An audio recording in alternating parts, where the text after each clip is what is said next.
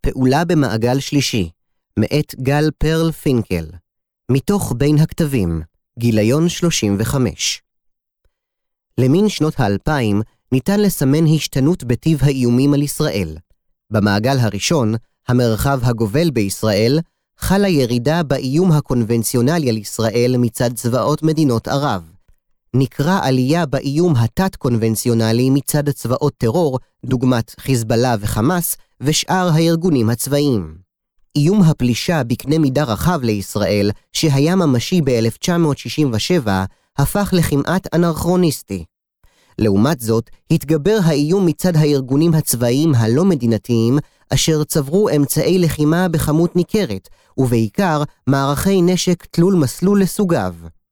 במקביל, חלה עלייה בחומרת האיומים על ישראל מן המעגל השלישי, המרחב שבו מצויות מדינות וישויות מדינתיות שאינן גובלות בישראל, במיוחד אלו הנובעים באיראן. עם זאת, המיקוד של צה"ל היה לאורך כל שנותיו במעגל הראשון.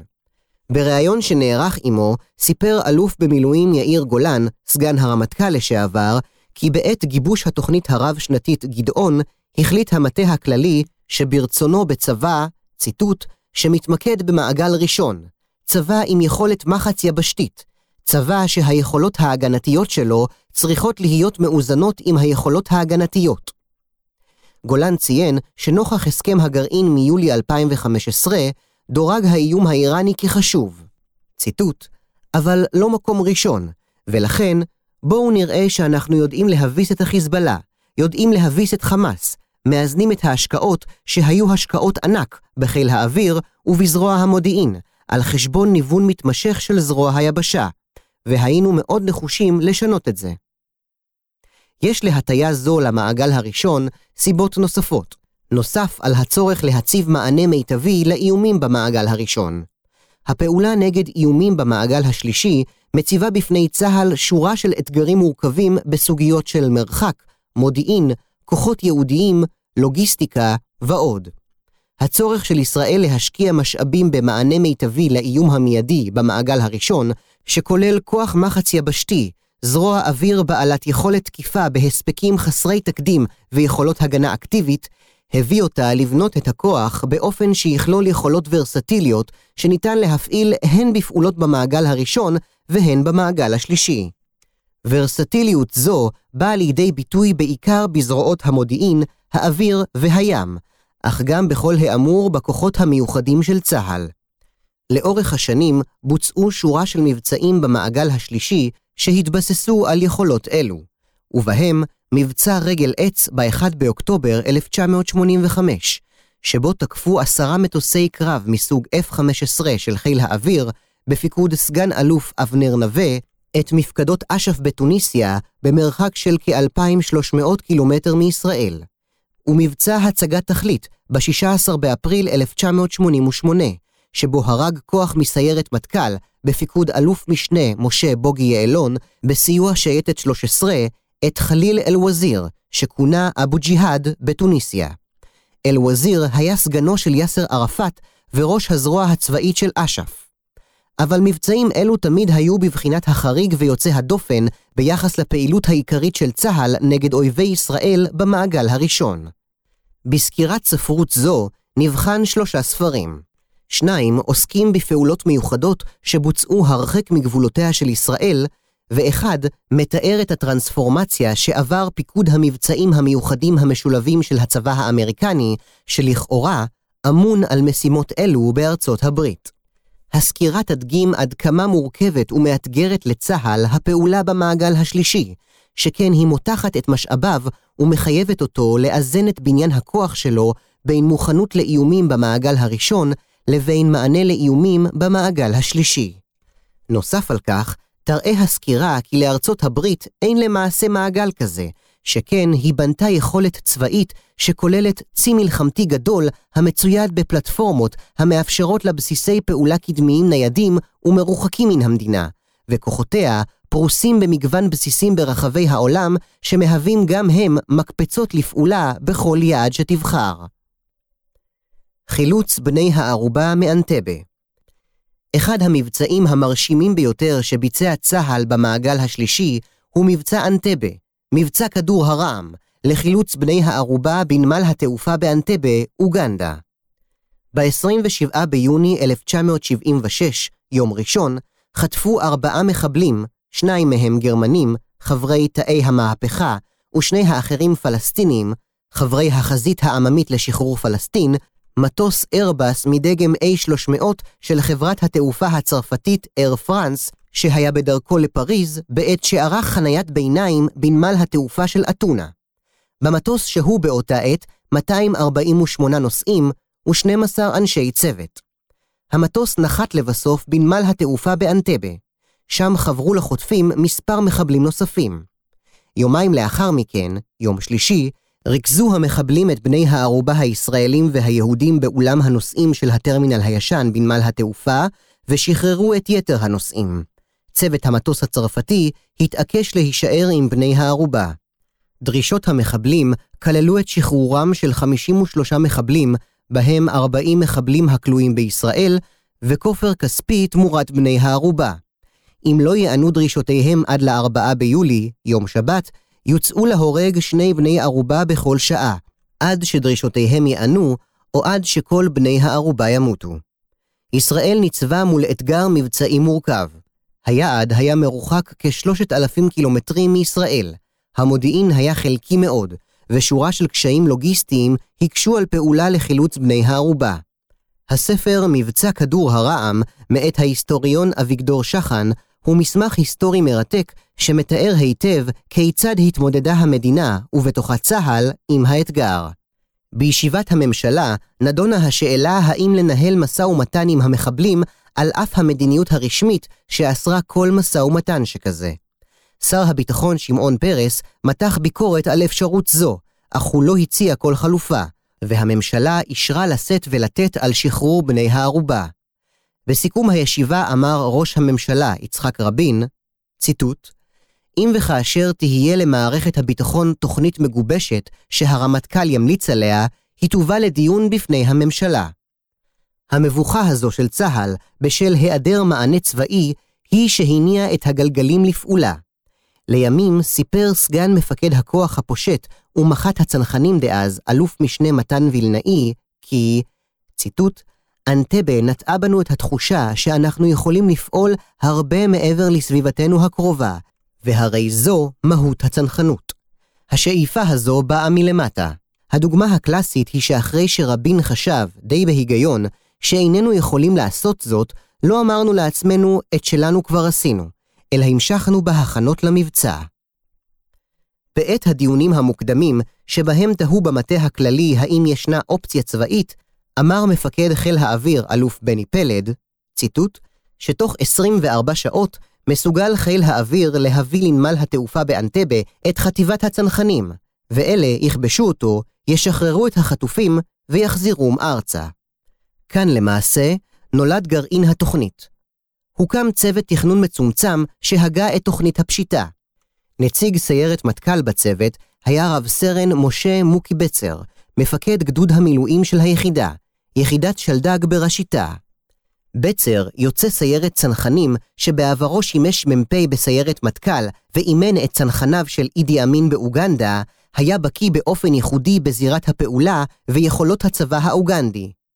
בדיעבד קשה שלא לקבוע כי בהיעדר יכולת מבוססת הכוללת תורת לחימה, אמצעים והכשרה סדורים, המענה שגיבש צה"ל התבסס על כשירויות בסיס בלוחמה בטרור, אלתור ותעוזה רבה. הפיקוד על המבצע הוטל על תת-אלוף דן שומרון, קצין צנחנים וחי"ר ראשי, ולימים הרמטכ"ל. תחתיו פעל כוח מחטיבת הצנחנים, בפיקוד וילנאי, שעליו הוטל להשתלט על הטרמינל החדש, וכן כוח עתודה מחטיבת גולני, בפיקוד אלוף משנה אורי שגיא, שעליו הוטל לאבטח את בני הערובה מרגע שחרורם. משימת ההשתלטות על הטרמינל הישן, שבו הוחזקו בני הערובה, הוטלה על סיירת מטכ"ל בפיקוד סגן אלוף יוני נתניהו, שהייתה אז יחידת ההשתלטות העיקרית. נתניהו, יוצא הצנחנים, עבר כקצין לסיירת מטכ"ל, ולחם בשורותיה בשורה של פשיטות בעומק האויב, ובהן מבצע אביב נעורים ובמלחמת יום הכיפורים. ראש הממשלה רבין היה מוטרד מאוד מסוגיית הנפגעים האפשריים בקרב בני הערובה, ובעיקר מטיב המודיעין. למרות שנעשו פעולות בידי אמ"ן והמוסד במטרה לסגור חלק מפערים אלו, ניכר כי התוכנית התבססה בעיקר על ההפתעה וההעזה שבעצם המבצע.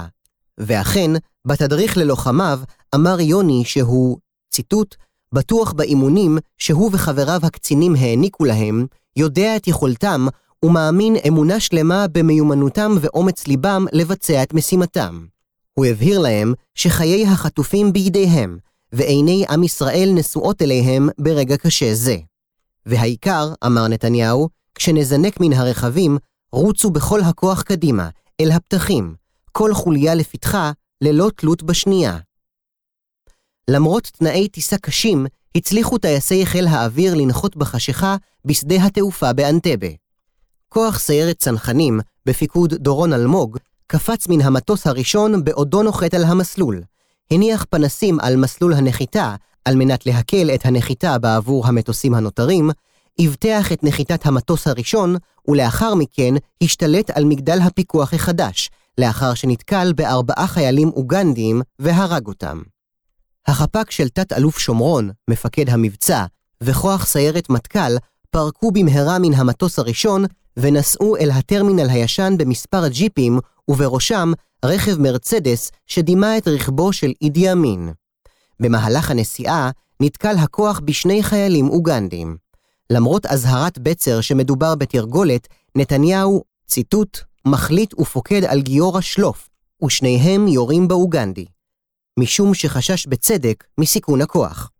לאחר הירי השקט, נורה האוגנדי באש מקלעים. אלמנט ההפתעה נפגע, והרכבים האיצו לעבר הטרמינל. הלוחמים פרקו מן הרכבים במרחק קצר מן הטרמינל ורצו לעבר פתחי הכניסה. בעודם רצים, צעק נתניהו קדימה והאיץ בכוחות. בעודם רצים, נפגע נתניהו ונפצע אנושות מאש שירו חיילים אוגנדיים במגדל הפיקוח.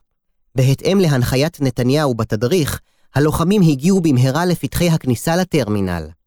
אמיר עופר ומפקד הצוות שלו, אמנון פלד, פרצו ראשונים לאולם והרגו שלושה מן המחבלים.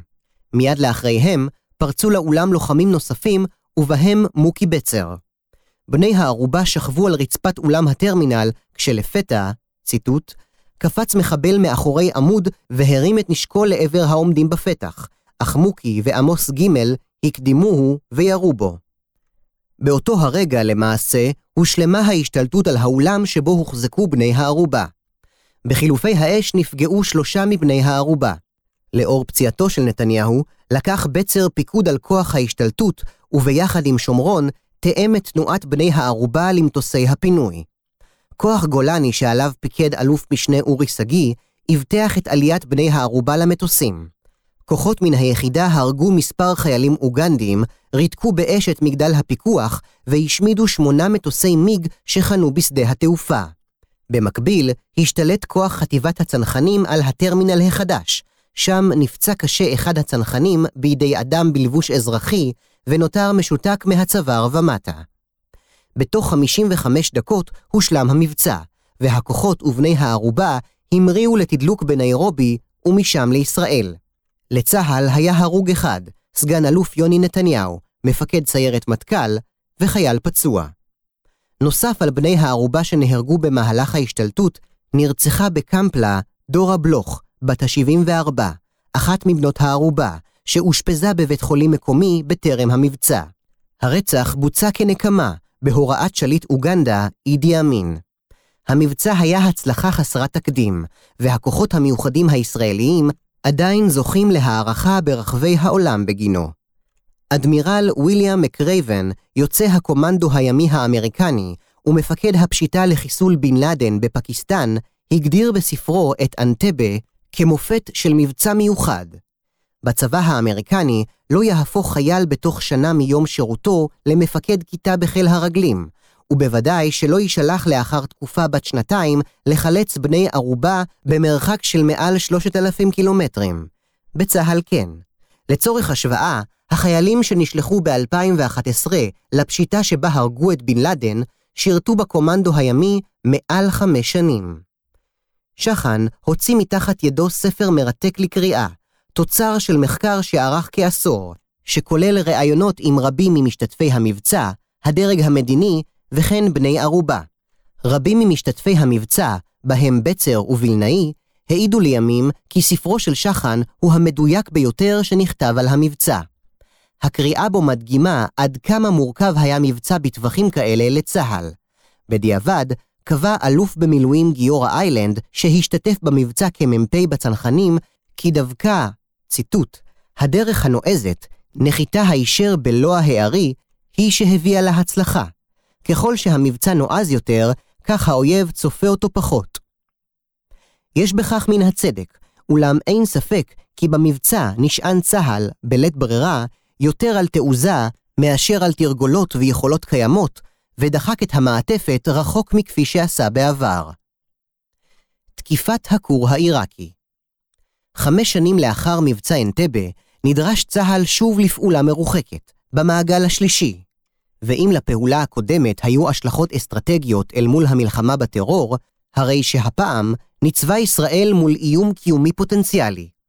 בספרו "הפשיטה על הכור" מתאר העיתונאי האמריקני רוג'ר W. קלר את אחת המשימות הנועזות והמורכבות ביותר שהוטלו אי פעם על טייסי הקרב של חיל האוויר. קלר ראיין את כלל משתתפי המבצע ותיאר את השתלשלות האירועים באופן כרונולוגי ומפורט. בשנת 1975 חתם שליט עיראק סדאם חוסיין על עסקת רכש דרמטית עם ממשלת צרפת. שנתיים אחר כך כבר היה ברשות קהילת המודיעין הישראלית מידע מודיעיני, ולפיו צרפת סייעה לעיראק להקים כור גרעיני לשימוש צבאי. ראש הממשלה מנחם בגין ראה באפשרות שלעיראק ולרודן ששולט בה יהיה נשק גרעיני סכנה ברורה ומיידית לקיומה של ישראל. הוא הטיל על הרמטכ"ל רפאל רפול איתן להיערך לתקיפת הכור. במקביל, הורה למוסד, שבראשו עמד אלוף במילואים יצחק חופי, לפעול בכדי לעכב ככל שניתן את הקמת הכור. אמנם, בניגוד לתקיפת הכור הסורי ב-2007, עיראק לא הייתה יכולה בתגובה לתקיפה לפתוח במלחמה, אולם המרחק הגדול ליעד הפך את השמדתו לאתגר מבצעי מורכב במיוחד. תחילה נבחנה חלופה, ציטוט, להחדיר צוות לעיראק ולשלב הובלה דרך האוויר ותקיפה רגלית בנוסח פשיטת הקומנדו שנערכה על שדה התעופה באנטבה ב-1976. הרמטכ"ל איתן, יוצא הפלמ"ח, שלחם, ציטוט, כמפקד הצנחנים בקרבות העקובים מדם ב-67, היה חסיד של מבצעים מיוחדים ופשיטות. כהונתו כרמטכ"ל אופיינה בפעולות רבות שכאלה, ובהן מבצע מנורה, 1978, פשיטה של כוחות צנחנים וגולני על בסיסי מחבלים ברמת ארנון שבדרום לבנון. מבצע מתח גבוה, פשיטה של שייטת 13 על בסיס מחבלים בלבנון, 1980. ומבצע איש דמים, 1980, פשיטה מוסקת של חטיבת הצנחנים על בסיסי מחבלים בלבנון. אולם למרות השאיפה לפעול באמצעות כוחות מיוחדים, מיקום היעד בעיראק הציב קשיים רבים, ובהם המרחק, הלוגיסטיקה, התקשורת, אפשרויות החילוץ וטיב המודיעין העדכני שיוכל הצבא לספק לכוחות.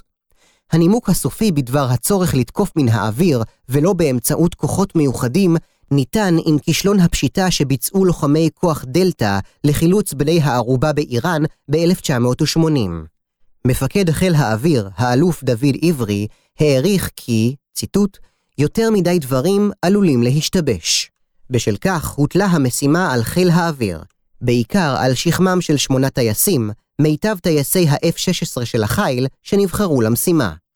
מפקדם היה סגן אלוף זאב רז, בוגר מלחמת יום הכיפורים. המחבר ציין כי תכונותיו של רז, ובהן המשמעת, הירידה לפרטים והיכולת לפקד ולהוביל אנשים לקרב, הפכו אותו למפקד בולט בחיל. סגנו היה רב סרן עמוס ידלין, ציטוט, טייס קרב ותיק, שכמו רז, לחם ב-1973. שלא כמו במבצע אנטבה, לחיל היה זמן רב להיערך למבצע, כמו מודיעין מקיף, עדכני ופרטני ככל שניתן.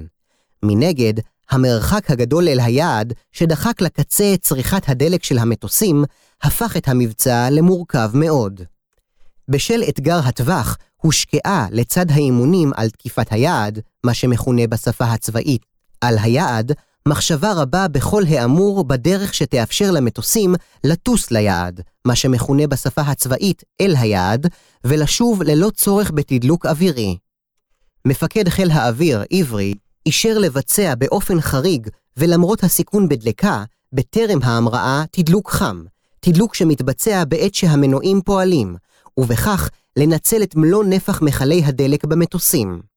נוסף על כך, צוידו מטוסי הקרב במיכלי דלק נתיקים, בניגוד להוראת היצרן, שחשש מפגיעה בחימוש שנושא המטוס. ב-7 ביוני 1981 הגיע הרמטכ"ל איתן לבסיס חיל האוויר עציון ותדרך את הטייסים לפני התקיפה. ציטוט: זאת מהות המשימה היום אחר הצהריים, הגנת המדינה. עתידה של ישראל תלוי בכישוריכם וביכולתכם להרוס את הכור הגרעיני. אתם מוכרחים להצליח, או שתיגזר על עמנו כליה, אמר להם. בסיום התדריך, חילק איתן לטייסים תמרים, הפרי הלאומי של עיראק. קחו קצת, אמר, תצטרכו להתרגל לזה במקום שאתם הולכים אליו. אף שיש במחווה הומור שחור, היא תפסה את העניין כולו, שכן המבצע היה תקיפה במעגל השלישי, במרחק שאתגר את יכולות צה"ל ומתח אותן לקצה, ושניצל את כלל יכולות מטוסי הקרב שנבחרו. לאחר טיסה ממושכת, היו מטוסי הקרב מעל ליעד ותקפו. ידלין, שחשב שכשל כלשהו הפריע לרז, שהיה המוביל, לתקוף, החליט לתקוף מיד. הוא, ציטוט, סחט את הפיקל ומשך את מוט ההיגוי. הוא חש במתלים ששחררו את שתי ההפצצות, וכיצד נזרק מטוסו לפנים. כשמטוסו שעט קדימה, ציטוט, הוא הביט מעבר לכתפו לעבר אוסירק. ראה כיצד חדרו שתי הפצצות שהטיל את מעטה הכיפה ונבלעו בתוכה, ואז נעלם משם כהרף עין וטיפס לגובה רב. מיד לאחר מכן, גם, ציטוט, רז שחרר את פצצות ה-900 קילוגרם, ומיד שבר ב-90 מעלות שמאלה, והחל בהיחלצות. גם הוא פגע במטרה. מרבית הפצצות שהטילו שאר הטייסים פגעו, והכור הושמד. רז אותר בצל"ש הרמטכ"ל על האופן שבו פיקד על התקיפה. גם ספרו של קלר, אף שהוא לוקה בראייה מעט רומנטית של האירועים, המחיש עד כמה מתח המבצע את גבולות המעטפת של צה"ל. לא בכדי, גם עשור מאוחר יותר, במלחמת המפרץ, נדרש צה"ל להתמודד עם שורה של אתגרים, והראשון בהם הוא המרחק, אך גם הקושי בהשגת המודיעין המדויק והקושי לפעול בתיאום עם פיקוד המרכז האמריקני, שהיה בהם בכדי לגרום להסתבכות קשה של הכוח. גם אז היו יכולות צה"ל לפעול בעיראק מבוססות למעשה על היכולות שהופגנו במבצע אנטבה, בתקיפת הכור בעיראק ובמבצעי יחידת שלדג בסודאן להעלאת יהודי אתיופיה בשנות ה-80, שבהם נחתו מטוסי הרקולס שאובטחו בידי לוחמי היחידה בלב המדבר והמריאו עמוסי עולים לעבר ישראל. צה"ל נערך לבצע אחת משתי תוכניות מבצעיות במקביל לתקיפה נרחבת של חיל האוויר. הראשונה כללה הטסת כוחות מחטיבת הצנחנים הסדירה ומחטיבת הנ"ט המובחרת במילואים, כמו צוותי תצפית והכוונת אש מיחידת שלדג, במטוסי התובלה מסוג הרקולס 130C, והנחתתם במדבר העיראקי. על פעולה זו נועד לפקד אלוף דורון רובין. במקביל, נערך צה"ל למבצע מצומצם יותר, במתכונת דומה, שכלל כוחות מסיירת מטכ"ל, ושעליו נועד לפקד תת-אלוף נחמיה תמרי. אך הסיכונים לכוח, הקשיים הלוגיסטיים, ובכלל זה היכולת לפנות נפגעים לישראל, והעובדה שהצלחת הכוח לפגוע במשגרי טילי הסקאד שאיימו על העורף הישראלי הוטלה בספק בשל היעדר המודיעין העדכני לפעולה, הביאו את הממשלה להחליט שלא לבצע אף אחת משתי התוכניות, כמו את התקיפה האווירית. פיקוד המבצעים המיוחדים המשולבים הספר Relentless Strike שכתב שון ניילור, שעבד בשעתו ככתב צבאי בניו יורק טיימס ופורן פוליסי, תיאר את תולדות פיקוד המבצעים המיוחדים המשולבים, שהוקם בעקבות כישלון מבצע תופר העית ב-24 באפריל 1980, ושמטרתו הייתה לחלץ את הדיפלומטים האמריקניים שהוחזקו בטהרן כבני ערובה בידי הממשל האיראני. המשימה הוטלה על היחידה החדשה של הצבא ללוחמה בטרור, כוח דלתא. היחידה הוקמה בצבא היבשה שנתיים קודם לכן בידי הקולונל צ'ארלס, צ'רלי המסתער, בקווית, קצין צנחנים וכוחות מיוחדים, הכומתות הירוקות, שלחם בווייטנאם וסופח ליחידת ה-SAS הבריטית כיחידה ייעודית ללוחמה בטרור. תוכנית המבצע כללה הקמת בסיס פעולה בתוך איראן, אשר כונה מדבר אחד, ושנועד לשמש מנחת ארעי למטוסי התובלה מסוג הרקולס 130C ולמסוקים שבהם יגיעו הלוחמים. בעוד הכוחות נוחתים במנחת מדבר אחד, סופת חול נמוכה ובלתי צפויה הביאה להסטת שני מסוקים מן המנחת ולהתרסקות מסוק נוסף הישר על מטוס התובלה מדגם 130C. התאונה גבתה את חיי שמונה לוחמים ויצרה בשטח בלגן לא נורמלי. בתנאים שנוצרו, הורה בקווית על פינוי מהיר מהשטח, ובמהלכו הותירו הכוחות מאחור גופות חללים, ציוד לחימה ומסמכים סודיים על אודות הפשיטה. בני הערובה שוחררו רק לאחר משא ומתן ארוך בינואר 1981. מוטב היה לו מתכנני הפעולה היו דבקים דווקא במאפייני הפשיטה שביצע גדוד הריינג'רס השישי בפיקוד lieutenant colonel הנרי מוצ'י על מחנה השבויים בקבנטואן שבפיליפינים במלחמת העולם השנייה, שכללה נוהל קרב זריז בן יממה, הישענות על חיילות גבוהה, פשטות ואלמנט ההפתעה. כוח של כמאה ריינג'רס בפיקוד המג"ד מוצ'י והמ"פ סרן רוברט פרינס פשט על המחנה, הרג כ-120 שומרים יפנים וחילץ כ-500 שבויי מלחמה. הצבא האמריקני ביקש לחזק את היכולות והעקרונות הללו, ומכאן שכפי שקורה לא פעם, הכישלון הפך למאיץ של השינוי הארגוני. לאחריו נערכו שינויים מבניים באופן הפעלת היחידות המיוחדות האמריקניות. בהמלצת צ'רלי בקווית הוקמו פיקוד המבצעים המיוחדים המשולבים, החטיבה האווירית ה-160 למבצעים מיוחדים וצוות 6 ללוחמה בטרור של הקומנדו הימי, שעליו פיקד ריצ'רד מרסינקו. תחת JSOC הוצבו כוחות דלתא, צוות 6 של הקומנדו הימי, הטייסת הטקטית המיוחדת ה-24, החטיבה האווירית ה-160 למבצעים מיוחדים, וכן regiment הריינג'רס ה-75 של צבא היבשה האמריקני. בשנים שבהם לחמה ארצות הברית בעיקר בעימותים מוגבלים, היה ל-JSOC תפקיד מוגבל, אך נפח הפעילות והחשיבות שלו גדלו בעקבות פיגועי ה-11 בספטמבר 2001 והמלחמה שניהלה ארצות הברית נגד ארגוני הג'יהאד העולמי, במיוחד נגד אל-קאעידה. אז בלט הפיקוד ביכולתו להוציא לפועל מבצעים מיוחדים בלוח זמנים מהיר, בכל נקודה על גבי הגלובוס. דוגמה בולטת למבצע שכזה הוא מבצע קרנף. חודש לאחר הפיגוע במגדלי התאומים, יזם הפיקוד שעליו פיקד גנרל דל דיילי פשיטה נועזת באפגניסטן בשם מבצע קרנף, שכלל תקיפה של שני יעדים. מתחם מגורים בעיר קנדהר, שם קוד גקו, שבו נהג לשהות בעבר מנהיג הטליבן מולה מוחמד עומר, ושעליו פשטו פלגה מכוח דלתא ופלוגת ריינג'רס, והשתלטות של כוח הריינג'רס מגדוד 3 על שדה תעופה, שם קוד קרנף, המרוחק כ-60 מיילים דרומית-מערבית מקנדהר. רג'ימנט הריינג'רס שימר כשירות מבצעית ומיומנויות מקצועיות גבוהות מאוד מתוך הבנה של מפקדי הרג'ימנט את המשימות הצפויות להם ואת האפשרות שמצב הרגיעה ישתנה במהירות רבה. כשירות זו, לפי עדות קולונל ג'וזף ווטל, מפקד הרג'ימנט באותה עת, ולימים מפקד JSOC, היא שיצרה את האמון בקרב מקבלי ההחלטות בדבר היכולת לבצע משימות מיוחדות בנוהלי קרב קצרים, כחודש לאחר הפיגוע בבנייני התאומים, על אדמת אויב ובמרחק אלפי קילומטרים מהבית. הפשיטה יצאה לפועל בליל ה-19 באוקטובר. כוחות הריינג'רס ודלתא המריאו במסוקים מסיפון נושאת המטוסים קיטי הוק שבים הערבי.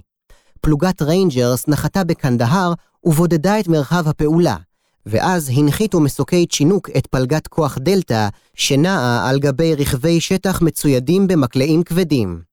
בעת שלוחמי כוח דלתא תקפו את הבית, הם נתקלו בפעילי טליבן, והתפתח קרב מטווחים קרובים שכלל ירי מנשק קל וממטולי רקטות מסוג RPG.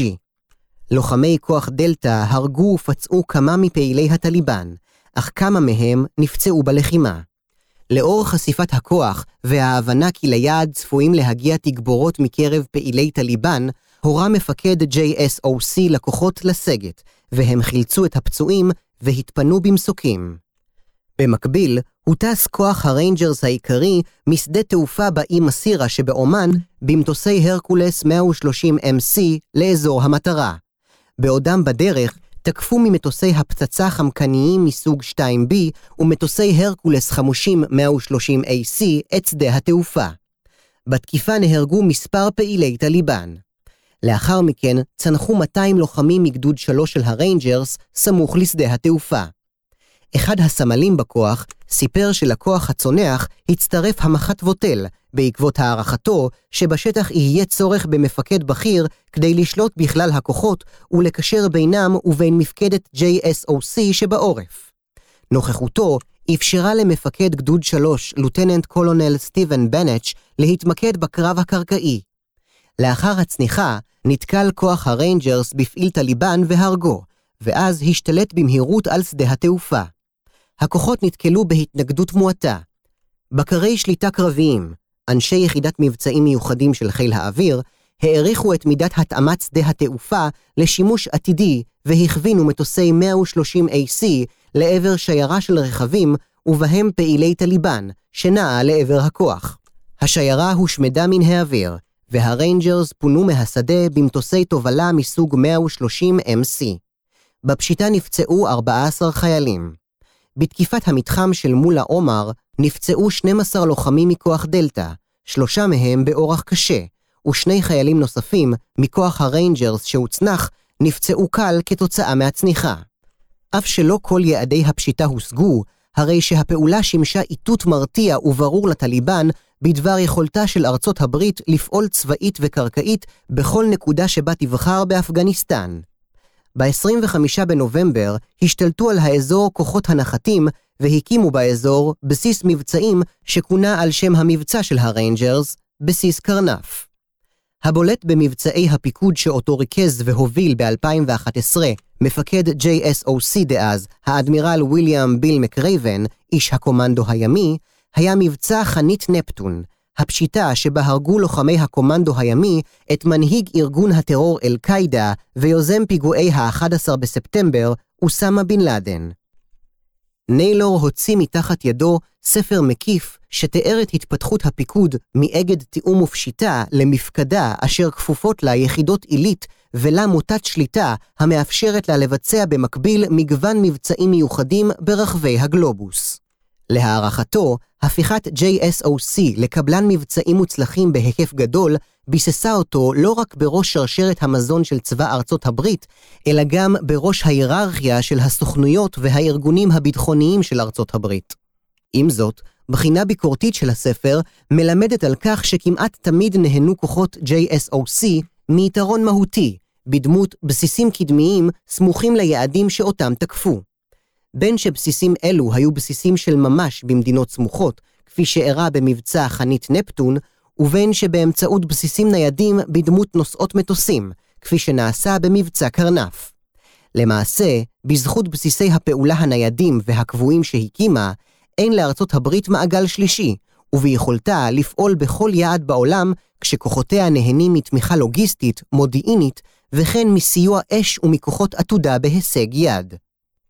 סיכום מן הספרים שנסקרו כאן בקצרה, ניתן ללמוד כי לאורך השנים פיתחה ישראל יכולת לפעול נגד איומים במעגל השלישי, אך היא נשארה בעיקר נחלתן של חלק קטן מיחידות צה"ל, רובן, כאמור, מזרועות המודיעין, האוויר והים, כמו גם כוחות מיוחדים.